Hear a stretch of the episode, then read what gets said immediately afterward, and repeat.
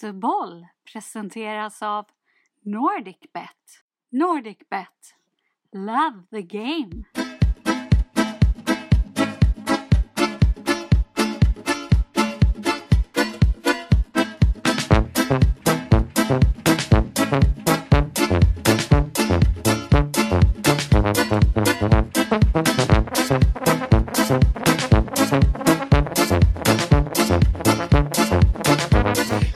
Till ett nytt avsnitt av Hutteboll med mig Kristoffer Ekmark, min kompanjon och assistent och fanbärare. Jimmy Fors.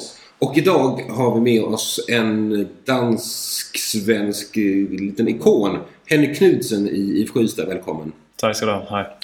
Henrik, vi stör dig mitt i arbetsdagen här. Eh, Du sitter här i ditt hem, fina hem. I en liten eh, community, vad heter det? gated community-aktig del Ja, av lite här i Nyborgstrand ja. ja. Ja, ja, ruskigt fint område. Ehm, Fick lite så Breaking Bad-vibbar. Ja. När jag. Jag sa det.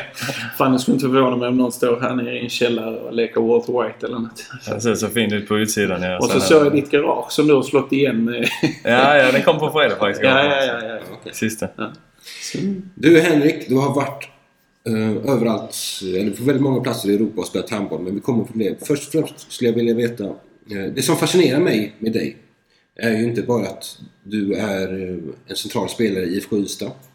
Utan du är också i den unika rollen att du driver ett företag på heltid. Eh, du har tre barn. Eh, Två. Två barn. Ja, det vet man aldrig.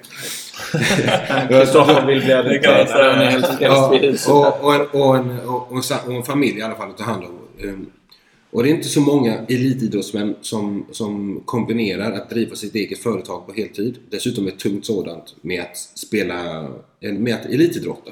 Och eh, i IFK Ystad så har du dessutom en väldigt viktig central roll. Man kan säga att eh, du är playmaker till stor del. Eh, Så jag tänkte först skulle förklara, vad gör du? Vad, är- vad, består ditt arbete utav? Altså, jeg har jo et øh, bolag som er med bygg og pladsætning. Øh, Som heter? Knudsens bygg og pladsætning. Så ja, fick vi med det också. Mm, precis. Så øh, vi er då fyra man, altså tre anställda jag, men sen hyr jag in tio till, tänker jag säga. Så, Är Det det massa, en massa handbollsspelare du hyr in då eller? Nej, inte alls øh, andra byggare som vi hyr in. Så vi är ju egentligen 14-15 man, så det, det är inte lätt. Och jag är själv på kontoret, så det vill säga att jag ähm, ja, får ingen hjälp där liksom. Så ska både hända med offerter och ja, räkningar och, och vad det kan vara liksom. Så. Vad, vad gör du då rent praktiskt när du är ute på jobb?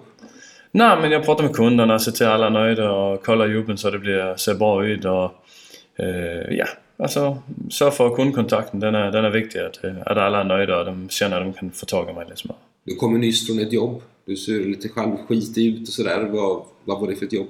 Ja, jag har inte på det viset jobbat fysiskt idag kan jag säga. Jag har varit runt och kollat badrum och garage och carportar och sånt som vi håller på med. med. Ja, så blir det rätt med mått och placering av, eh, på tomten och ja, det är jättemycket att tänka på. Så, så eh, ja, det får inte bli fel sånt så därför kör jag själv runt och kollar mycket. Genom alla år så har på något sätt Ystad blivit en bas för dig. Ja, det har det. Eh, Eh, Och det är väl därför du spelar just i IFK Ystad. För att du hade ju kunnat spela i andra klubbar också. Du hade ju, när du spelade i Allsvenskan med IFK Ystad så, så blev du ju omnämnd utav alla lag ni mötte egentligen som Allsvenskans bästa spelare. Varför är du så hårt knuten till Ystad? Ja, men det började för 15 år sedan när jag var för första gången. Ja. När jag 2003. Något sånt ja. Ja precis. När jag spelade i IFK. Då, eh, det är där jag skaffade flickvän och, familjen, barn och så vidare. Så, eh, och de reste ju med mig runt i, i, alla länder som vi säkert kommer till sen. Ja, det var, ja vi kan nämna det. Har du varit? Har varit i Vitryssland, Polen, Alltså, Norge. eh, jag var i Tyskland. Tyskland. Började i Tyskland ja. Eh, sen var jag i Kielce i Polen ja. Sen var jag tillbaka i Tyskland. Sen var jag i Vitryssland. Sen var jag faktiskt i tre månader, eller två och en halv månad i, i Danmark också i, i GOG, i GOG. Ja, okej. Men eh, då fick jag ett erbjudande från Vitryssland som eh, rent ekonomiskt sett var dumt att tacka nej till kan man säga. Så, eh, så tog jag det. Och sen, sen var pojkarna hade blivit så stora, du vet, de skulle börja i skolan. Så därför blev det Norge i två år där. Och ja, någonstans där då tog det så slut med min, med min tjej.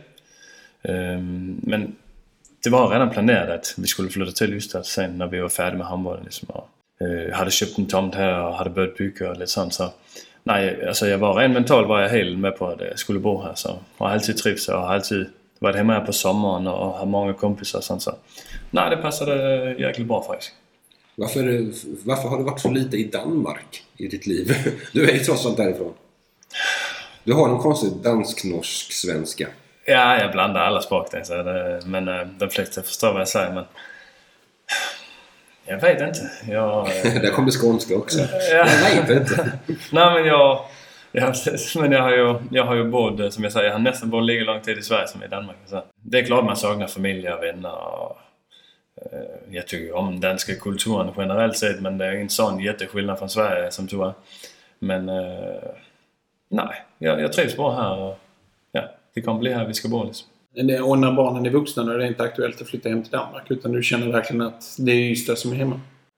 Ja, den är alltid svår. Men jag, jag har ju sagt så här, jag har flyttat nog eh, 10 gånger på de här 12 år, 13, 14 år vad det liksom, och det, det räcker där. För man, man förlorar ju alltid eh, någonstans kontakten med vissa vänner och när jag flyttade från Danmark, men det är klart det är tufft att hålla kontakt med, med familj, eh, förutom inte föräldrar liksom, men alltså, är inte jättemånga fördelar i att flytta runt hela tiden, det, det tycker jag inte. Jag, nu tycker jag om jag trivs här, känner, känner halva stan som vi brukar säga liksom, det, men inte hela så. Nej, det, jag, jag tror helt säkert det kommer bli här. Du har ju dessutom ett magnifikt hem här i Ystad får man väl ändå säga. Hur mycket har, ditt, eh, hur mycket har dina byggkunskaper legat som grund till inredningen? Eh, Alltså, men jag... jag Det, det, det, är inga, det, är inga, det är inga felaktiga skarvar här någonstans. Det kan jag säga. Ja, nej, men alltså jag har ju, har ju prioriterat, eh, vi nu tillsammans med min tjej här, vi prioriterar ju hemmet absolut. Eh, för det är här vi spenderar mycket tid och man ska trivas här så. Och sen är det klart, man har ju fördelen när man, när man är byggare liksom. Det, så hade det varit dumt inte att, att göra det fint med en gång till. Vad, vad, tänkte, vad tänkte du då när de byggde Ystads nya arena? Nej, jag tyckte det var kul. Det var bra plan liksom. Alltså allting tillsammans med simhallen och jag tycker det blev ett riktigt fint område. Och nu ska jag, ja, HP Hållningssäter så ska jag då bygga eh, squashbana och lite grejer. Så det blir, det blir riktigt fint, riktigt sportsområde den är i centrum. Men är du sådär yrkesskadad så du sitter i omklädningsrummet så tittar du på golvet där. Ja, men där har du missat en halv centimeter. Du måste prata med vaktmästaren här. Eh, nej, det, nej, jag tycker inte det. Alltså, eh, det är bara när jag behöver det. Liksom. När jag måste vara det så kan jag vara det. Men eh, nej, Hade du velat ha ett sånt uppdrag till ditt bolag eller är ni för små? Nej, alltså jag, jag har ju... Man har sjukt mycket att lära men alltså... Eh, sådana projekt hade jag inte gjort. Men eh, bygga en villa, absolut, det kan vi göra. Eh, man har ju... Alltså jag har ju mina samarbetspartner och, Så det, man får ju hjälp om det är så från arkitekter eller byggnads, alltså kontrollansvarig och så vidare. Så är det någon fråga man har, ja, men då, då löser man det tillsammans. Så. Men vi bygger villa och tillbyggnad och... och Det, det finns någon mer i laget. Det finns några fler handbollsspelare i alla fall här i Ystad som är snickare. Jag tänker på Anders Persson. Ja, precis. Han är väl Så också snickare? Ja, absolut. Ja, vem är egentligen med då? Nej, jag tror inte det är helt färdig, färdiga snickare, det är det inte. Nej. Men om vi gör så här, om vi backar bandet till en tid när Stoffe också var liten och du började spela handboll. Vem var det som fick dig att börja spela handboll? Det var faktiskt min pappa. Det var faktiskt han hade... eh, Han hade själv spelat mycket. Ehm, Sen var jag en gång eller två gånger på träning när jag var sju eller åtta år gammal. Så att vi trillade bollen till varandra på marken. Så det slutade med med en gång. Det var så tråkigt så. Sen när vi blev 12, 12 år. 12-13 år. Det är ganska sent ändå. Ja, det var det. Men jag spelade mycket fotboll kan man säga. Ja, det, jag, har en teori kring det. Ja. Men eh, då, 13 år, så sa min pappa då, då var det jag, jag ska försöka skrapa ihop ett lag här. Så det var ju bara precis eh, A och B-klassen eh, i min ålder liksom som vi fick ihop ett gäng. Vi var bara precis en 8-9 spelare så. Men ja, vi spelade där två säsonger och, och sen var vi tre stycken som sa att vi chansar, vi tar till Kolling IF. Alltså, alltså de har ju, ja, det är en traditionsklubb och de har ju alla lag och tränare, hela föreningen har ju varit ja, bäst i Danmark hur många år som helst. Så.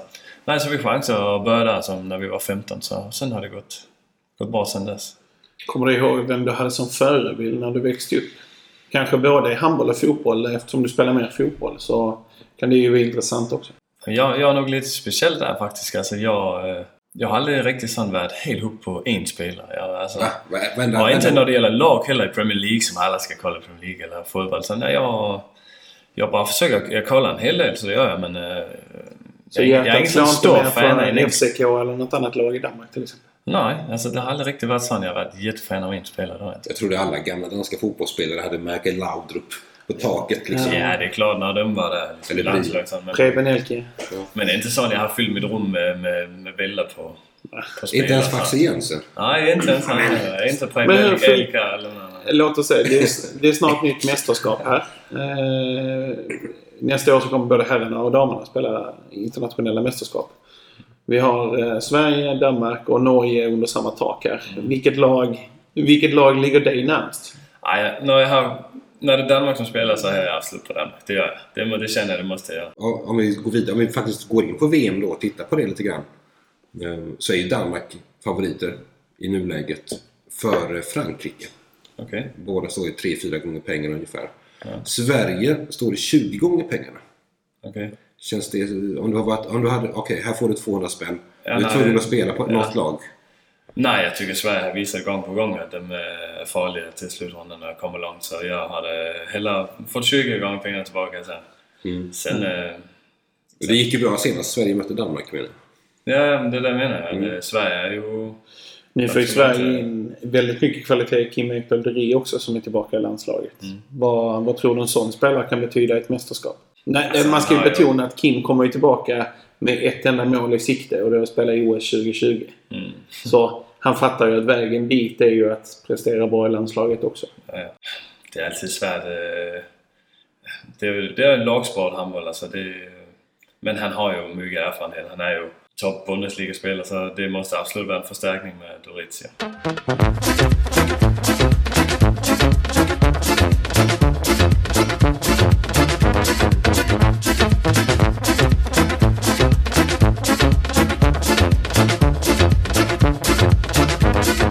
Du är 36 år gammal. Det kan man inte tro när man tittar på dig förresten. Nej, tack. Nej. Du borde ju säga 36 år ung. Ja, Förhållandevis hur du ser ut i din ålder. ja, jag ser ut som en 46-åring som sitter på Sundbybergs torg med en pappkasse sådär. 46 var en komplimang. Ja. Men du, har du slutat med handbollen någon gång? Jag skulle sluta när jag flyttade hem från Norge faktiskt. Eh, Det var planen. Och det var, var det 2015? Ja, det var innan jag då flyttade tillbaka till Ystad. Mm. Eh, Så när jag flyttade tillbaka till Ystad var det meningen att jag bara skulle ha mitt byggföretag och, ja, och vara med barnen och så vidare. Så, ehm, Men i Ystad, ISK Ystad så springer omkring en tränare som heter Kenneth Andersson. ja, Hur ja, lång tid innan det att du fick... Sina vita glänsande skor ska Ja, inte glömmas som han visade upp i podden. Sina Vanhedens skor. Hur lång tid från det att du hade slutat tog det innan Kenneth ringde?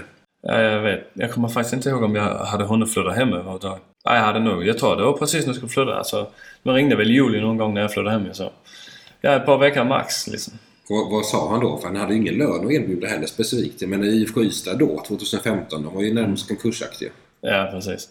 Eh, men det var sån här. Det var ju det var en tuff period eh, med flytt och själv med två barn och ett hus som inte var färdigt. Så jag bodde ju, intressant också, bodde i en husvagn här ute i, i trädgården i tre månader. Bara gick på, rakt ut på byggplatsen varje dag liksom, och höll på att bygga här.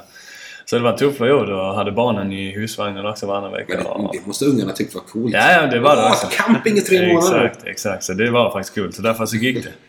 Men det var ju ett tufft program, absolut. Och sen eh, när de då ringde sa jag, men absolut, jag vill gärna vara med. Jag tycker om handboll, alltså det har man gjort hela livet. Det är det man kan bäst, tänker jag säga.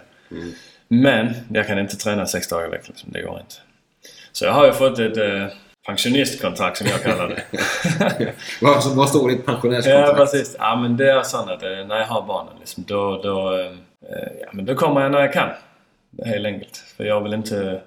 Eh, det räcker med missa halva deras eh, tid kan man säga. Om man, Mm. Tufft sagt liksom. Så jag har sagt att eh, jag vill med på deras träningar, jag vill med på deras klubbar och så vidare. Jag vill spendera så mycket tid som möjligt med barnen och, och, och här. Så. Eh, och det har aldrig varit något problem. Det har alltid fungerat jättebra. Men barnen idrottar också då antar jag eftersom du pratar om cuper och matcher. Spelar själv handboll och fotboll och Var spelar de handboll och fotboll? Eh, IFK, IFK. Eh, handboll och sen är det då eh, Öja och Köpingebro heter det, fotbollsklubbarna då. Så det är mycket ibland ja. Det är mycket ibland. Min, te, min teori, om vi ska bara backa bandet, är att Henrik hade varit svinbra vilken idrott han än hade valt. Henrik känns som den här naturtalangen som ja, men bara ställer ut skorna så är han liksom bäst i klassen. Lite åt det hållet. Medan vi andra trötta jävlar tvingas träna som gnur för att komma upp på sådana här. Men en, har du alltid haft enkelt för dig vilken idrott du än har valt? Ja, faktiskt. Ja, det, det, ja, det är inte för att skryta, men sport har alltid varit min grej. Liksom. Ja, det är svårt att förklara varför, men jag har alltid lagt all vilja och... och hur, ja. långt, hur, långt, Tid tror, hur långt hade du kunnat gå inom fotbollen? Jag spelade faktiskt ett DM i VB, i Vejle bollklubb. Alltså DM är alltså i Danmark? Den högsta Ja. serien i junior och, och vi spelade mot FC Köpenhamn. Alltså typ juniorallsvenskan då, som vi kallar den i Sverige. Ja, Eh, som, som 16, 17 och där liksom. Ja. Mm. I vilken klubb? Pojkallsvenska blir det. Ja, i, i Vejle bollklubb. I Vejle? Ja, okej. Den var i den bästa ligan den gången. Så han är- division 1 nu tror jag. Jag tror de gick upp igen faktiskt. Okej. Men det har gått lite upp och ner. Ja, bara, precis. Så, eh, Lite som din formtopp. Nej, jag, jag, jag, jag är ständigt i lågform. Ja. Men varför, eh, varför blev det inte fotbollen då? Ja men jag fick ju, alltså historien är den, jag fick faktiskt erbjudande om ett sånt ungdomskontrakt. Det var inget sånt. Men det var ändå ett tecken på att de ville gärna satsa. Men eh, där hade jag precis kommit med i, i landslagstruppen, alltså till plansamlingar som det heter. Mm. I Danmark. I handboll? I handboll ja. Så vad Så, var du då? 16 år och sådär? Eh, ja 16, 17 där ja. 16 ja. Mm. Så, ehm, ja. Nej det, det blev helt enkelt det för det var... Vi måste Men, ju... är, du, är du en sån som är lite lat också? Handboll är lite enklare att träna kanske? Nej, nej, inte alls faktiskt. Jag har alltid tränat eh, väldigt disciplinärt kan man säga. Jag kan tänka mig, Det här tabbat nog alltså. jag, tänk, jag kan tänka mig att du inte gillar det då. Du vet den här fotbollen. så, Okej killar, nu ska vi ut och springa 8 kilometer. Ja. Nej, det är inte min grej. Jag ska helst vara lite action. Jag har tränat mycket kickboxning och boxning och hållit på. Det händer lite mer. Liksom. Man kan inte skylla på någon annan heller om man får stryk. Liksom. Så det, Ty- Tycker det är häftigt. Jag tränar en hel del kampsport också. Ja. Men eh, jiu-jitsu. Och jag brukar säga att det räcker att träna 30 minuter kampsport. Alltså om du verkligen brukar allvar och sparras tre ronder så är du, du är färdig efteråt. Bästa träning ever liksom. Det är riktigt bra. En, Jag tycker det är jobbigt nog att träna handboll. Jag tänker nu eftersom det är ju ingen hemlighet att, att eh, man måste vara raketforskare för att förstå hur man räknar på danska. Och Dragan Briljevic sa för några veckor sedan här att man är svensk när man räknar på svenska. Så då är frågan till dig, hur räknar du? Du har ju både influenser från Danmark, Norge och Sverige nu. Ja, ja. Nej, men så räknar jag räknar när jag sa det på svenska allting. Absolut. Gör det. Så Men när jag- du tar en offert till en kund så säger du inte halvfjärs och Nej, nej, nej. dribblar bort. Alltså, Men för, men som jag förstår det så har det svenska räknesystemet, där finns ju liksom en mening med det. Precis. det, 5-10, men det är 5-10 liksom. Men i logik. Danmark där är det ingen logik i Nej. någonting. Om inte du kommer ihåg det, då är det kört liksom. Så att, men till exempel, halv fjärs, Mm. det betyder 50. Nej. Nej, det är 40 det. För, vad fan är halv fjärs? Ska vi ta dem jag? Ja, ta. Eh, 20. 20 är 20. 30. 30. Mm, 30. Mm. 40. För. 40. Ja. Och så kommer det så 50. Halvtress. Halv tress 50. är 50. Ja. Men då kan man tänka, vad betyder då tress? Det borde vara 100 då. Ja, det är så 60. Ja, Det är för att du räknar, du räknar 60 minus 10 så blir det halvtress. ja men då borde det inte heta halv, det borde heta... eh, Jag vet. Nej, jag tror inte vi löser den Och idag. sen, och sen 70. Ja. Vad heter 70? Halvfjärs. Och vad är en fjärs? Det är Eh, 35. Nej, det är 80. och så kommer fjärs. Det är 80. Ja, så du ser. Halvfems. Men alltså skäms du inte lite för att vara dansk? Alltså, jag fattar nu att det inte är någon mening för eh, svensk. Det gör jag, men... Eh, nej. Det, är- det är ju så när vi, när vi svenskar åker till Danmark och så går vi på äh, Rema 1000 Mm. och så köper vi lite grejer och så lämnar vi fram 200 spänn och så säger kassörskan tre halvfjärs och truv Ja, det, kan man, och så har vi ingen aning. liksom. det är bara att ta emot sen. Ja. Det, Ja. Den danska språkkulturen är jävligt rolig. Jag har en kusin som heter Tisa. Och eh, så åkte vi över och alla danskarna började kalla honom för Tiseman. och han tyckte det var... Han trodde han var jättecool. Ja. Tills han kom hem och förstod vad det betydde. Mm. Så att, eh, det var något annat då. Stoffe, vi spelar vidare. Ja, vart var vi någonstans? Eh, Balkanhandboll. Balkan. Han, ja, du har inte varit på Balkan och spelat? Men du, är, du känns lite grann Ja, men det har jag faktiskt. För när jag spelar i Vitryssland, där spelar jag Ja, faktiskt den som heter Seha League, alltså Balkan League kallar vi Mm. Där spelar vi mot alla lag från eh, Bosnien och Herzegovina och ja, Serbien och alla de länderna. Det är väl fortfarande så i de, vissa av de länderna att de spelar mot varandra, toppklubbarna? ja, de har ju eh, en liga där med Vardar Skopje, eh, øh, Metalurg Skopje, Veszprem har också varit med men jag tror att de skulle gå ut nu. Big Szeged från Rumänien och så vidare. Det är jättemånga lag som är där. Brest från Vitryssland som sagt. Och, alltså jättemånga bra lag med i den ligan. Så det var, det var kul. Vi, vi var och spelade Final Four det ena året och ja. ja, det var kul. Det är helt enkelt kul. Frå, därifrån till att spela borta matcher mot Alstermo och sånt skit. Liksom.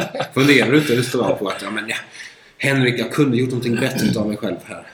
Ja, det är inte lika motiverande. det- Det som jag brukar säga till, till ungdomarna, i alla fall de andra åren, var vi inte haft pengar eller haft spelare, så har jag sagt när de var nervösa, så vad är det du är nervös för liksom? För vad ska hända? Vi har, vi har inte råd till nya spelare. Mm. Eh, det är ingen som, som ropar och skriker här ändå. Liksom. Det är inte som, eh, ja, som i Polen och i Vitryssland, var de bara köper nya spelare helt enkelt om man är dålig. Alltså, det är så enkelt. Eller tränare. Ja, eller tränare. Jag hade tre tränare i Vitryssland på tio månader. En intressant grej som Dragan nämnde just om eh, Balkan, det var ju hur man tränade upp sina handleder. Han berättade att man i princip satte ner händerna i en sandlåda, alltså ner i sanden, och tränade på att krama handen. Ja. För att just stärka muskulaturen. Tänker du, du verkar ju ha eh, kampsporten istället. Det kanske Ja. också stärker handlederna. Det är nog ingen skandinavisk träningssätt. Eller Nej. det låter inte så. Alltså, Men du, eh, när du kom till Ystad och spelade, jag misstänker på att det var väldigt lite lön i sammanhanget. Det fanns, finns ju en till handbollsklubb i den här stan som spelar i högsta serien. Var det aldrig riktigt nära att du hamnade i Ystad IF? ja, det var jättenära faktiskt. Vi hade till och med ett kontrakt kvar, äh, klart menar eh, när, jag- när jag slutade i Vitryssland. Det Redan innan jag flyttade till Norge. Okej, i första vändan då. Ja, det var ju så för ja, nu ett tag sedan. Men innan jag flyttade till Norge i alla fall så. Eh, det var absolut möjligt där men det var ju som du säger, ja, men då var det då professionellt. Då var det för att jag skulle träna fulltid. Ja, så vidare. Så. Men eh, när jag slutade, alltså, ja, jag vet inte. Det blev aldrig av helt enkelt. Vi blev eniga om att, nej men, jag tar då i Norge och, och klubben hade, hade väl också eh, lagt mycket pengar på, ja, på spelåret innan och sånt så det blev för dyrt också allting. Du, du nämnde för mig efter det att ni, hade, ni skakade Malmö på bortaplan i år. Ni har ju varit väldigt underskattade tycker jag då. De första omgångarna har visat nu att ni är ett lag som faktiskt kan slåss om en slutspelsplats. Men eh, du berättade för mig efter den matchen att du har fått lite bättre förutsättningar i år att kunna satsa mer på handbollen, att träna lite mer. Vad har ni för, vad har, vad har ni för deal du och Kenneth? Nej men det handlar egentligen inte om klubben. Det handlar väl mest om mitt företag och att jag har fått in, eh, som sagt, att vi är 14 man nu. Eh, så jag slipper att, att bära pallar med gips och betongsäckar hela dagen lång själv innan jag ska in och spela match. Liksom. Det, och, och träna också för den delen. För är man helt slut på träningarna varje dag, ja men det är begränsat hur mycket man utvecklar sig. Liksom. Det, Slutsatsen är att du kommer fräschare till träningarna Ja, och tränar precis. oftare.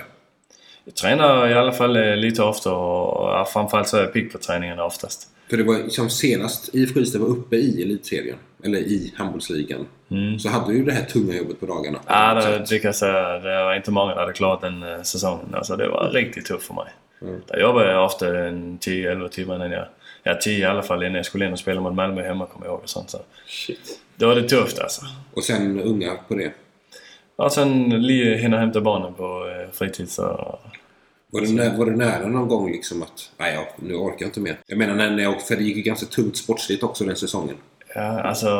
Aldrig mentalt. Jag har alltid varit lust. eh, Med, motivation har alltid varit men rent fysiskt kan jag säga. Där har man varit långt där ett par gånger. Liksom. Men- Hur, hur långt ner då? Ja, jag har aldrig gått in i vägen på det viset men eh, det är det med att man känner att man kan inte...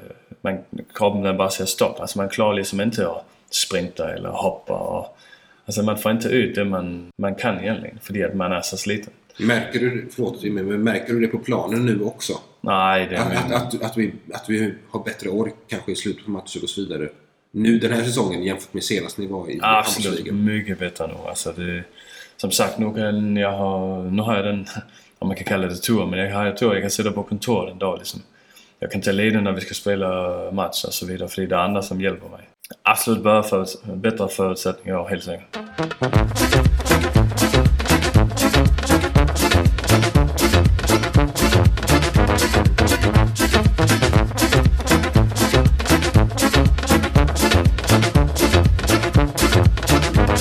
Hur gamla är dina pojkar nu? 8 och 11. 8 och 11? Mm. Jag såg ju ett eh, Playstation 4 här. Har du någon gång... eh, Spelar ni mycket Fifa till exempel? Ja, alltså jag har ju själv när jag var proffs så spelade man ju Fifa rent för mycket tänkte jag. Ja. Så, eh, men jag har inte riktigt tid med det nu kan säga. Har man någon gång som internationell handbollsspelare önskat att det fanns ett spel där man hade alla de här stora Bundesliga och kunde spela med sina favoritlag i handboll? Eh, jag vet de gör det eh, till PC på ett tidspunkt faktiskt. Jag har testat det eh, vad man kunde träna och springa runt. Men de har nog aldrig fått det till att bli bra liksom. Alltså, därför många får, det är alltså handboll är för komplicerat tror jag. Helt enkelt. Eh, jämfört, menar, de med, lyckas- jämfört med fotboll. De lyckas i amerikansk fotboll. Liksom. Ja, men de har inte de här Henrik Knutsens inspel på linjen. Liksom. Det är, har du sett hur han slingrar sig fram? Liksom? Det går inte att göra sådana på Fifa. De behöver 45 programmerare för att, för att ta in Henrik Knutsens olika inspel. Kanske Nej, jag tror inte. det blir för komplicerat helt enkelt. Det blir det? Mm.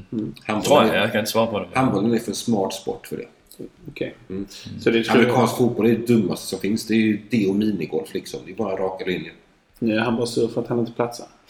Alltså, jag skulle säga att Henrik Knutsen är Kristoffer Ekmarks antagonist i det fallet. Att du, du berättade att du var duktig på allt och antog dig. Och Stoffe är en typisk träningsprodukt. Han tränar och tränar men han blir mot- aldrig bra. Jag skulle säga motsatsen. Det är varandras motsatser. Liksom. Och Han, han, han är dessutom duktig och händig på så här liksom, och naturtalang på alla sätt och vis. Och, Och, och framgångsrik. Nej men det handlar väl bara om att det, det, det är som är min styrka. Liksom. Det är att när jag gör någonting så gör jag det 100%. Och saker som, som inte intresserar mig, det kan jag ingenting om. Liksom. Så det är inte så att jag kan allting. Men sport har liksom alltid varit min, eh, min grej. Sen var det kanske inte skolan som var min grej. Liksom. Alltså. Men du, det här året då? Den här säsongen nu som IFK Ystad har framför sig är ju fruktansvärt intressant av många olika skäl. Det finns ju en annan bredd i laget. Det finns lite mer spets. Vad betyder det till exempel när Emil Berggren kom in nu och får rollen som mittsexa? Det vill säga din lilla kompis. Vad, hur, vad betyder han för det här IFK Ystad? Ja men det är ju otroligt viktigt helt enkelt. Alltså, jag, jag vill börja med att säga så här att um, Axel Eriksson som har spelat på linjen nu i, i några år här har gjort ett fantastiskt jobb. Ehm, Men det är en helt annan typ. Han är, Det är en helt 20 annan typ. Han är kortare ju- och 30 kilo lättare. Ja, och det gör det lite tufft i handbollsligan, handbollsligan ibland. Eh, men igen, han har gjort helt suveränt så. Eh, men, men Emil är ju en annan typ som du säger. Uh, ren uh, storleksmässigt framförallt. Plus också med erfarenheten. Han har själv spelat i Bundesligan och i Danmark och olika lag liksom så. Det, det, det, det tillbringar det som vi har behövt i några år som jag har försökt lite, vi blir lite smartare. Mm. Eh, för vi har en jäkla vilja och ungdomar de har kämpat, de tränar, de har gått upp fysiskt ot- otroligt mycket på ett par år. Men, men, men den erfarenheten att man blir smartare, den, eh, den kan man inte träna sig till. Liksom. Det, det är tiden och det, det har Emil med sig. Han är ju också över 30 liksom. Så. När vi, när vi spelar in den här podden så har ni ju spelat med Emil i två matcher. Ni har besegrat Guif hemma och Hammarby hemma. Och övertygat stort, eh, skulle jag vilja säga. Vad, vad innebär, vad tycker du att det har inneburit för dig som, som 9 spelare när ni har en pjäs som Emil på linjen? Det känns som att ert skytte och genombrottsspel har fått en ny dimension. Inte bara rätt när en större kille att passa till liksom. Nej men det gör det ju jobbigare för försvar för att eh, kommer de inte fram igen då, då skjuter vi och kommer de fram igen då har vi också inspelsmöjligheten och det gör att man är svårare att- att- stå emot i försvaret för de andra lagen för att man har fler möjligheter. Och det, vi blir inte lika lättlästa som vi har varit tidigare kanske. Eller, ja, så vi försöker att, att fördela ansvaret och det tycker jag vi visade också att alla gör mål, alla kommer in och de som kommer in bidrar också nu. Liksom, och, ja. Men framförallt har vi en sjukt bra stämning i laget och vi, vi, vi tränar hårt och vi, vi vill inte vara någon slagpåse som vi var år Nej, och Vi- ni har dessutom, eh, utan att misskreditera andra spelare, men jag tycker att ni har den främsta målvakten nu vad ni haft på länge. Liksom. En, en topp även där. Ja, och igen, eh, igen absolut. Och jag tycker på träningarna där Linus och, och Glemholm, Sebastian Glemholm gör det jättebra. Det, men när vi kommer till matchen, det handlar det igen om rutin och erfarenhet. Och det, det, han, han placerar sig helt enkelt bara annorlunda. Han läser skotten annorlunda. Och Det, igen, det är kanske med, med åldern det är det som gör det kanske. Vi ska också nämna en av de två matcherna som vi spelar här så hade du ju en magisk trippel på NordicBet. Henrik skulle göra fyra mål, Emil skulle göra fyra mål och Emil skulle dessutom bli utvisad. Men Ja, eh, nej, alltså, de målen gick ju hem och så drog ju Emil bara på sig ett gult kort. Ja. Så att, eh, Nej, jag, jag tänkte Emil, han ska möta sig med klubb Guif. Han kommer garanterat... Han, han är van att spela i, i, mot Biffarna där i Ungern och sådär. Då kommer han liksom och, och kasta ner någon stackars Guifare i, i golvet bara för, för att jävlas. Men han klarar sig utan, undan utvisning. Men Ja, ja. jag hade två och tre. Det var Ja. ändå starkt. 66 procent i. Så Ja, aldrig riktigt hundra. Jag också att han skulle spela tuffare försvar men eh, Ja. det får vi se till. Ja, det kommer nog. Mm.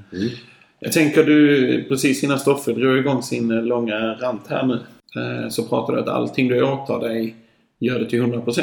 Jag själv är också ensamstående förälder så jag tycker det är lite intressant hur man får ihop allting. Känner du att du är en 100% närvarande så mycket du kan och, och liksom hur balanserar du livet? Får grabbarna följa med på bortamatcher eller träningar eller hur? Ja, inte bortamatcher. Det är ju ja, till Malmö och lite nära matcher så det är inga problem. Men, eh, ja, men det var... Alltså det som jag sa, det, det är samarbete det handlar om. Liksom. Och sen när jag, Kenneth och klubben har full förståelse för om inte jag kommer en dag. Så, och det, skulle de någon gång inte förstå det, eh, men då är inte jag där längre. Det vet de om liksom.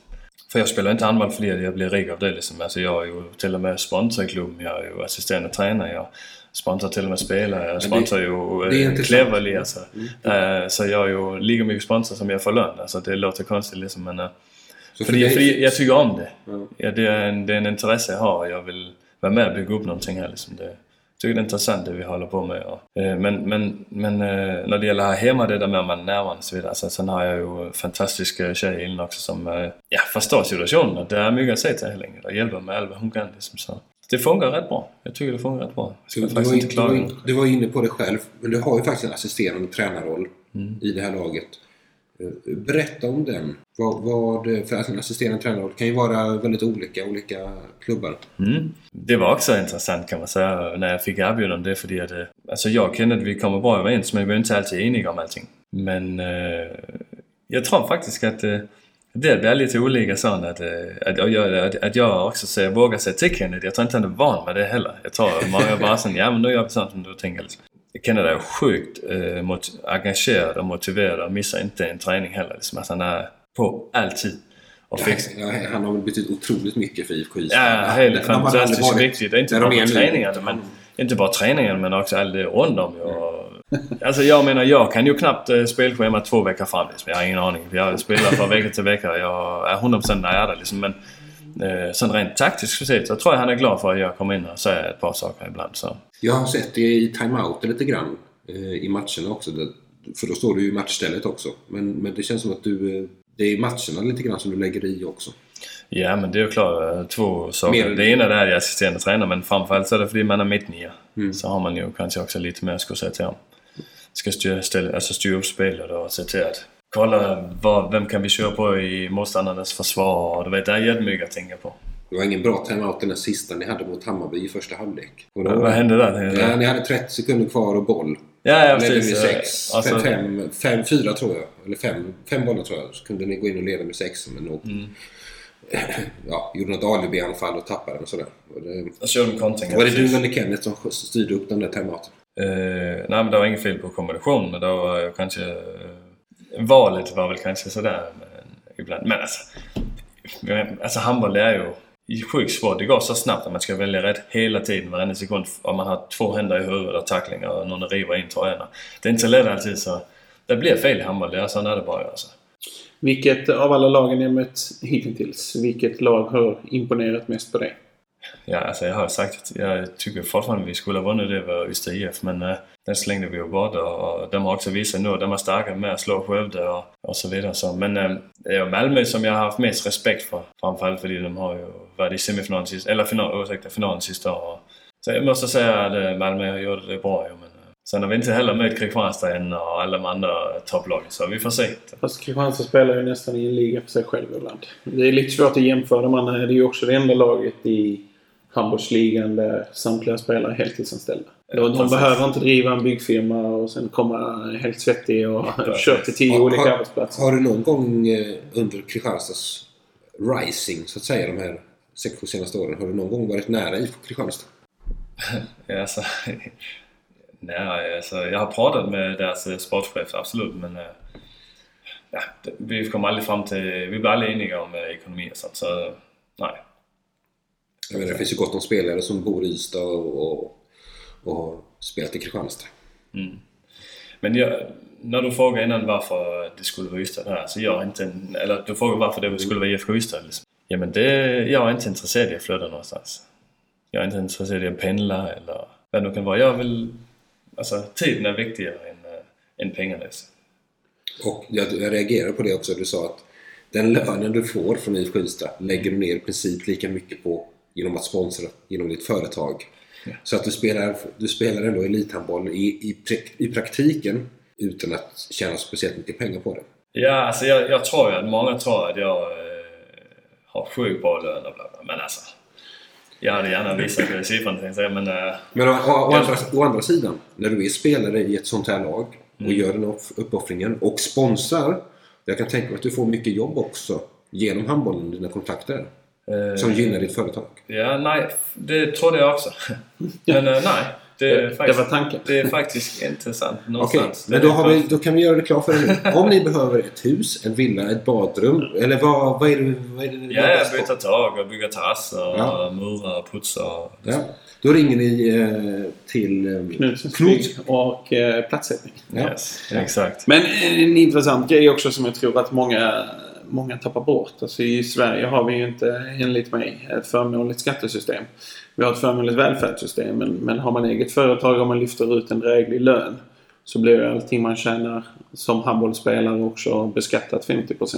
Så att eh, det får man ju heller inte glömma bort. Brutto och nettolön. Ja, nej, det verkligen är värt. Va? Att, att det är väldigt många timmar man lägger ner men det är väldigt mycket pengar man skattar bort också. Ja, som sagt. Det är i alla fall eh, 100% säkert att det har ingenting med pengarna att göra. Jag tycker det är kul. Vi har ett bra gäng som sagt och det, det är roligt. Av alla utlandsäventyr du har haft, har du inte någon historia som du vet, sticker ut lite mer än, än de vanliga Ystadshistorierna? Jag tror att det hände en hel del under radarn där i Vitryssland. Jag kan tänka Ja, mig det, det är därifrån jag har någon historia. Där Jag har i alla fall en historia som jag inte... Den har jag inte själv varit med på men alltså jag kom ju en månad efter så jag tror ju den, den stämmer för jag är bra kompis med spelarna men de hade spelat med... De hade spelat mot Dynamo Minsk som då var, var topplag liksom. Och eh, vet du, det, de hade då förlorat i Brest där var jag var och spelade så. Sen hade vi haft... Eh, då hade de haft eh, videomöte. Och då hade presidenten kommit in med sina två eh, livvakter med ett baseballbat i handen och lagt på skrivbordet liksom sådan, om det var någon som, alltså vem som ville spela här, vem som inte ville spela liksom. Annars skulle de bara gå med en gång. Alltså. alltså det är en helt annan, helt annan nivå. Jag kan säga så här, den ena gången, då var jag där själv, där satt jag själv. Vi hade, vi hade förlåtit till Dynamo Minsk också. Eh, vi hade videomöte. Tr- Tränaren hade gjort klart eh, klar, alltså, alltså filmen och alla spelarna så där var klara för träning. Kommer presidenten in igen med sin livvakt där. Och så säger han bara, gå fram där, och säger bara tack, eh, tack för den här tiden här eh, till tränaren, nu vill jag inte säga namnet men Tack för den här tiden, du kan packa dina saker och sticka hem. Liksom. Du har lige ett minut om du vill säga någonting till spelarna. Liksom. Och så står tränaren där, han har inte fått veta någonting framför alla spelarna. Och, alltså det är helt annan kultur liksom. Det är så stenhårt. Alltså presterar man inte så är man färdig. Och det, det gäller också spelarna. Alltså, sån, øh, sån var det.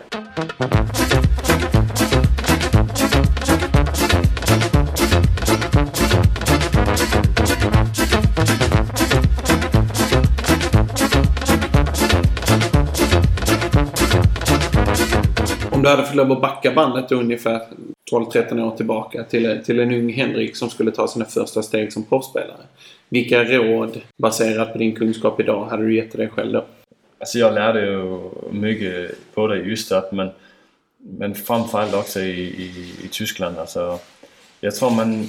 Det, det är bra ibland med miljöbyte också. Vad många, alltså, det gäller att spela mycket, få ta mycket ansvar. Eh, då lär man mycket tror jag, absolut. Alltså det, eh, och sen är det också det med att gör man någonting så gör det 100%. Det är inte lönt att flytta till Tyskland och så inte riktigt vet om man vill eller inte. Liksom det, Ja, nej det, det är svårt alltså för det är många ting, det är ju inte ett paket för att allting ska fungera. Liksom, man ska trivas med tränaren och med, med laget och så vidare. Så när det gäller att hitta rätt så, så utvecklar man sig mest. Även om det finns en, en eh, viss rivalitet mellan IFK Ystad och Ystads IF. Om du hade fått lov att skit i löner och, och allt sånt nu. Om du hade fått lov att handplocka en spelare från Ystad IF och placera i ert lag. Vem hade du spelat med? Eller velat spela med? Ja, det är jättesvårt alltså. Du menar ingenting med att förstärka vårt lag då? Men vem jag, Ja, alltså, vem jag jag som, som person gärna hade velat spela med då? Ja, alltså Ja. Det, du kan ju få tolka det hur du vill. Ja, men, men det är väl klart att vissa trivs man med på planen. Mm. Och, och eh, det är klart, om, om du tänker rent personligt så kanske det hade underlättat att Anders Persson där som kan jobba extra för dig också. Ja, jag kan Men- gå in han ibland. Men samtidigt har vi... Ja, men samtidigt är kanske Kim en gammal. Alltså jag känner ju... Eh, Anders Persson och Kim är ju absolut de som jag har pratat mest med och jag har spelat med Anders och eh, tycker om båda två. Och jag tror det hade varit roligt för mig att haft en säsong med Kim på plan. Mm. Vi har ju skämtat om det när vi är nere och tränar nere på gymmet tillsammans. och sånt, eh. Så ja, jag tror vi hade kunnat haft ett bra samarbete som sagt. Men igen, det, Men- det är en annan kaliber, det är en annan... Eh, Vi pratade ju med Fifa innan. Vi kan ju prata om virtuella spelarövergångar som kan vara kul i intresset och huvudet. Liksom. Sen kanske det inte funkar i praktiken. ja, man vet ju aldrig. Det är det som är så konstigt. Jag menar, just IF har ju också ett fantastiskt lag. Alltså, nu, nu börjar de komma igång liksom, men man ser ju att eh, det är inte ekonomi eller namn det handlar om. Det handlar lika mycket om motivation och eh, sammanhåll och få fram den glädjen på plan och inställning. Liksom. Det kommer man långt med. Alltså. Märker du själv? Jag, jag märkt, tyckte jag märkte det på Kim förra säsongen att det var vissa matcher när han liksom gick in lite grann med... Man kunde se att motivationen inte var 100% på plan när han spelade borta mot Önnered och sådär liksom. Jag tänkte, "Ah, vad, vad höll han på med liksom? Och sen var han som ett monster i andra matcher. med- Alltså den nivåskillnaden. Kan du själv märka av det när du är ute och reser och, och flackar? Ja men det är exakt som du säger, det är med motivation. Och det handlar inte om att man är dålig eller gammal. Det är, som du säger, men var borta för 50 personer i publiken. Liksom. Ja, det är inte lätt att motivera sig till sådana matcher. Så det, eh, och då blir det inte bra. Alltså, man måste vara med. Men fullsatt Ystad Arena blir lite lättare. Jag tyckte vi visste att vi ville liksom. Sen att det inte gick som det skulle i andra halvlek, det är en annan sak. Men jag tror ren motivationsmässigt och inställningsmässigt så var både UF och IFK ju Det intressanta, i det det, intressanta i det sammanhanget är ju att IFK Ystad är närmare Ystad IF än vad de flesta anade inför säsongen. Och med Emil Berggren i laget nu och utan skador så känns det som att eh, Alltså jag ser framför mig en kvartsfinal egentligen mellan de båda lagen. Det hade, hur, hur, hur häftigt hade inte det varit? Ja, ja. ja men Och alltså, det är ju inte orimligt. Jag tror inte Lugi väljer Ystad, IFK Ystad i alla fall. Varken efter träningsmatch eller Jag är inte säker på att Lugi kommer före IFK Ystad i tabellen. Nej, det får ju framtiden utvisa. Jag, jag tror det händer. Men eh, det är av äh, hjärtliga skäl. Ja, jag fick ju bli idiotförklarad när jag skrev att Guif inte kommer före IFK Ystad och sen bara slår, slår de dem i typ... Men 40 Guif gjorde det bra i Lund i, i, eh, nu mot Lugi till exempel. Så att, Mm. Det är väl också ett lag, jag tror Lugi och Guif är två sådana lag som just handboll och, och handbollsligan, det blir ju två säsonger i samma säsong. Att du har, lagen kan ju ha helt olika karaktär i seriespelet kontra slutspelet. Jag vet Ystads är också- IF för två år sedan till exempel gick ganska så tungt. Och sen så kliver de in och slår ut Lugi i kvartsfinalen. Och, och då ledde Lugi med 2-0 i matcher också. Och så hämtade Ystad upp och vann med 3-2. Men det var ju bara via uddamåls... Ja, det var ju uddamålsvinster och, och sen är jag inte helt säker där. Där kom innebörden av att ha en, en spelare. Simon Jeppsson gick ju sönder där precis innan flytten till Tyskland till exempel. Man vet ju aldrig. kan ju alltid spekulera i frågan om eftersom han snittade 10-12 mål per Ja, match. det är klart skador spelar in ju. Alltså, sån är det Du är Nej. 36 år själv. Är du, har du, vad har du för skador och för, krämpor som hänger med? Har en helsena som är lite halvdålig. Sen har jag väl en sån eh, Kim Andersson-axel som jag kallar det. Att ju mer jag tränar eller skjuter ju sämre skjuter man. För att den bara blir trött. Men Sliter. du har tränat i 20 år. Du kanske inte behöver träna lika mycket. Ja, men det har jag försökt att förklara för de andra. Men du, men du sa du gym, eh, gymmade med Kim Andersson eller sprang på honom på gymmet? ja, vi träffar varandra på gymmet ibland. Blir det en sån tävling ibland? Rött mot vitt liksom? Vem Nej. lyfter mest? Och... Nej, nej, nej. Inget sånt. Vi bara skämtar lite med Så varandra. han, han lägger upp 120 i bänkpress och så kommer du bara... Nej, jag tar 122 kilo. Nej, det är ju... 122. Ja, vad det är rätt mycket. Vad, vad tar du i bänkpress Henrik? Nej men jag kör inte bänkpress. Det slutade med när jag var 23 tror jag det var. Det var inte bra för min axel alltså. Det är bara, det är bara beachträning. Det, det är inte så viktigt. Vad tar du i bänkpress Jimmy? 134. Ja, visst. Lätt. Så Lätt, så jag maxar 134. Men då, då drar jag den en gång. Alltså. Ja, och du har två personer som står vid sidan om och Nej. är redo att rädda livet på dig. Ja. Nej, jag, eftersom jag har skadad rygg så tränar jag ju på Actic. Så det är Yeah, maskiner. yeah. Det, det, det sliter om man tränar för tungt. Det gör det. Ja, Så. så, att, så jag tränar alltid på maskiner. Men jag, jag, jag är ju av den förespråkaren att jag tycker att det är bättre att träna lätt och göra tekniken rätt och flera gånger. Nu ska vi hoppa över till eh, Jimmy Fors favoritsegment 10 osnabba frågor.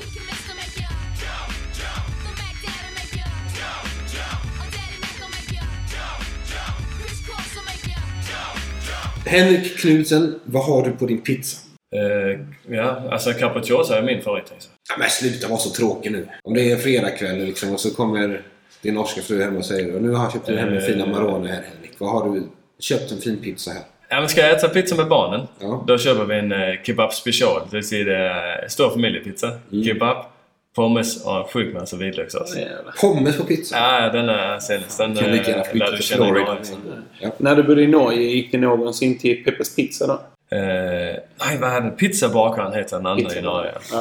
Så det mesta... Peppers Pizza är ju en känd. Har du varit Ja, där? Ja, det är stor tre- kedja. kostar 300 Stor kedja. spänn. Ja, precis. Det, det blir det. Nej, det var Det är sådär. dyrt som poker alltså. Ja, Norge var inte...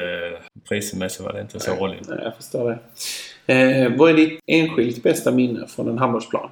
Ja, det är Champions League med, med Chelsea i Polen.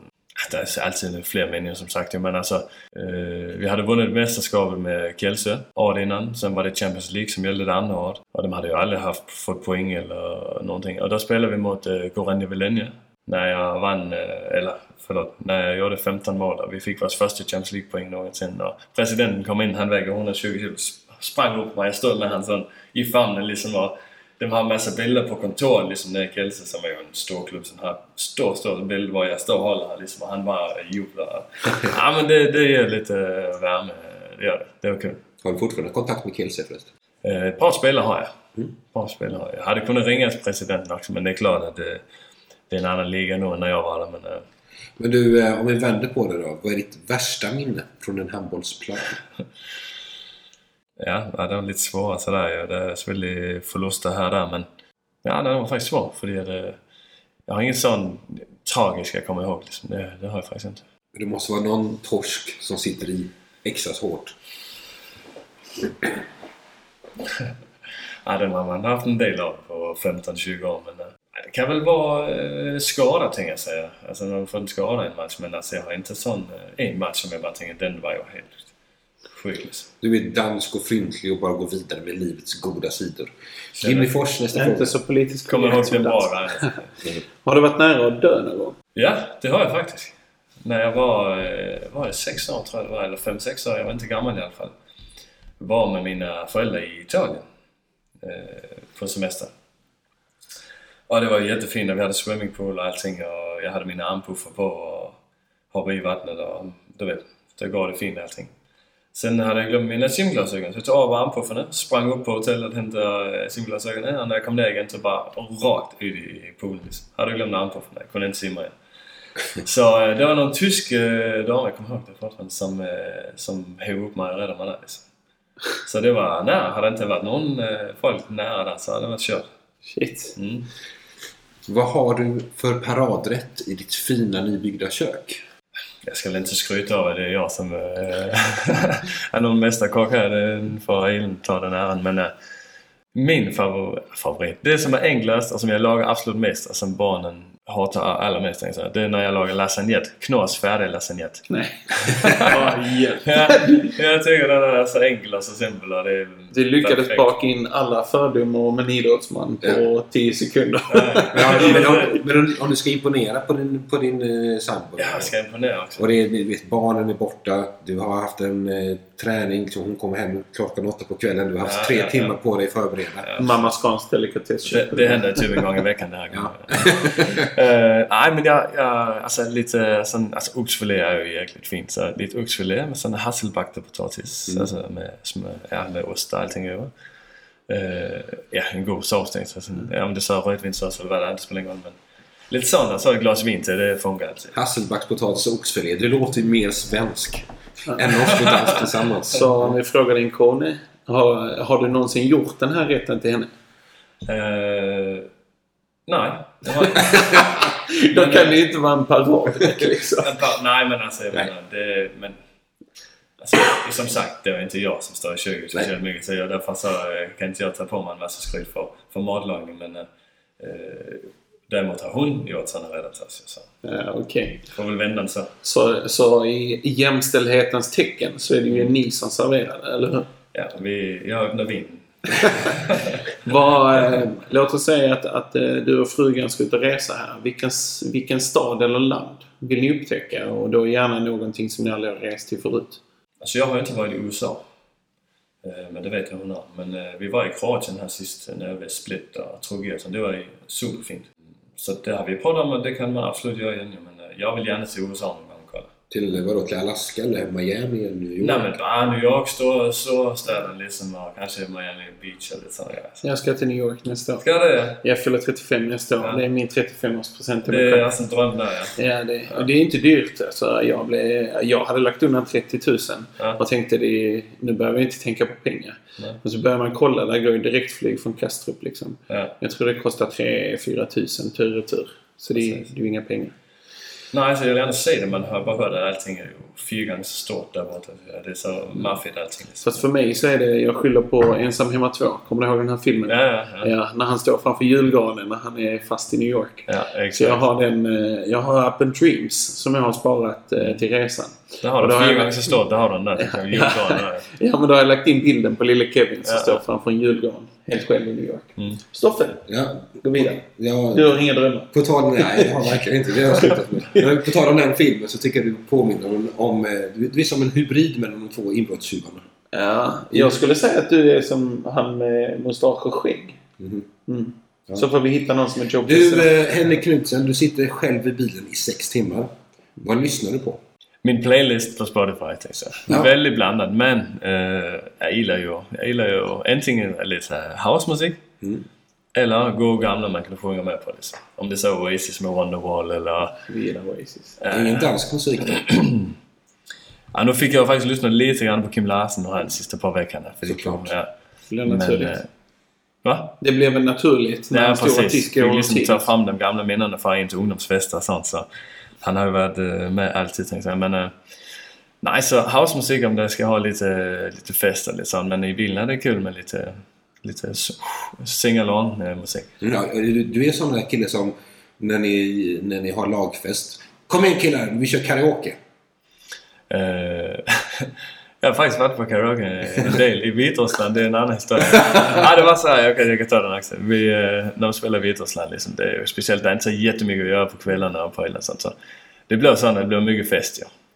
Och då var det så till slut att klubbdirektören, han beställde in alla videoövervakningsfilmer för diskoteken och sånt. Så det var ju möte med alla män som har varit på klubbarna och sånt. Så det, vi, blev ju, vi fick inte lov att gå dit till slut. Och så var det Han, jätte- tog, han tog ut videofilm, Ja, övervakningsfilm ja. från, från Yes, från lördagskvällen för att se vem som hade varit där. Så det blev möten med spelare. Ja men alltså det är helt och sånt. Men i alla fall fick vi inte lov att gå dit där då. Och så var det ett jättefint hotell med, med karaoke bara längst ner i källaren, så lite finare. Så där, och det var ju öppet eh, dygnet runt alltså, varje dag. Så. Alltså jag var sjukt mycket på karaokebar men eh, problemet var bara att det var sjukt mycket rysk eh, låtar där så jag var inte... Det var inte lätt det var det. Vilka, vilka, vilka låtar fanns det som du kunde då? Var det typ... Ja men vi, eh, vi som pratade engelska tillsammans, det var lite andra nationaliteter. Vi sjöng ju, eh, vad blev det, Mustang Sally med Commitments och Ah, all möjlig sån roll. Hur många gånger har du kommit på dig själv och, och sjunga med i Kim Larsens gamla dänga Vagar vi nu? Ja, jag var gammal lilla du är. Eh, gör man inte det alltid tänkte jag. Kan man sätta på Kim Larsen utan att sjunga med? Det jag inte faktiskt. Nej, spännande. det är något speciellt med danska kulturen. och- Men eh, ja, vi går vidare. Ja. När grät du senast? Alltså, eh, alltså eh, jag, jag tänker på skillnaden mellan gräda och mellan få en tår i ögonen tänker jag säga. För alltså när jag var ung till jag fick barn.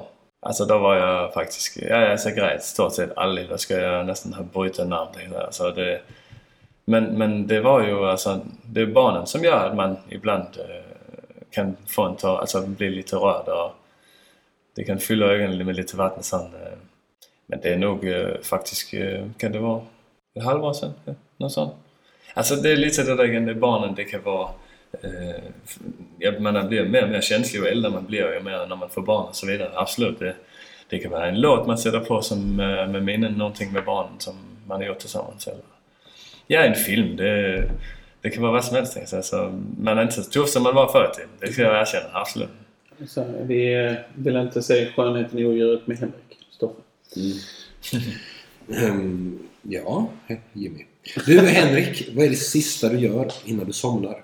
Alltså när jag är själv så är det sitta på kontor. som, som ja, man nästan ah, på kan jag säga. Vadå? Ja, vad skönt. Du kan fakturera lite grann. Sen går du och lägger dig och tänker ah, Exakt. 45 000 Ja, det blir lite så när jag själv faktiskt. Det gör det. Det är ju en skitbra grej. Sitta och fakturera innan man går och lägger sig. Mm. Då drömmer man ju. Då räknar du inte få. Då Det här- räknar du... Mm. Hoppas på att trycka fel ibland. jag, Nej. Nej, alltså jag, på kvällarna sånt, det blir, det blir lite kontorsarbete, gör det. Men eh, när barnen är här, när Elin är här och så vidare. Eh, vi tycker om att sätta på en serie. Mm. Ta in en serie och sen eh, somnar man där lugnt och fint. Liksom. Vad har du för favoritserier just nu då? Uh, usch, jag säger många men alltså... eh, Just nu ser vi The Americans. Jag ser en som... Uh, nu har jag till och med glömt vad den heter. Men The Americans har vi sett. Uh, filmer också. Det behöver inte vara serier men en film till exempel. Är du en sån där som somnar en halvtimme kvar på filmerna? Utan att bry dig? Ja, faktiskt. Det är skönt. Faktiskt. Och sen Sen Sandro, ser man klar dagen efter. ja, Sandro blir helt galen. Du kan inte missa nu! Ja, ja. ja. Är. Lasse Wagerman lite i sista tio minuter. så. Oj, har han dött? Ja. Sista frågan. Vem skulle du vilja lyssna på i den här podcasten? Det måste vara en handbollsspelare från, med Skåneanknytning. Annars hade vi gärna Ja, bjudit in den presidenten med... Med basebolltränare. Ja, ja, det var spännande. Ja. Shit.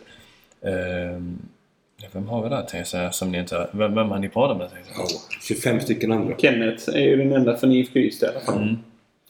Eh, och från Ystads IF så har vi bröderna Hallbäck inbokade eh, i denna podden redan. Och innan dess har vi Magnum. Mm. Och vi har sportchefen Mag- eh, Marcus Lindberg. va? Ja. Men jag tänker lite att man kan ta en prat med...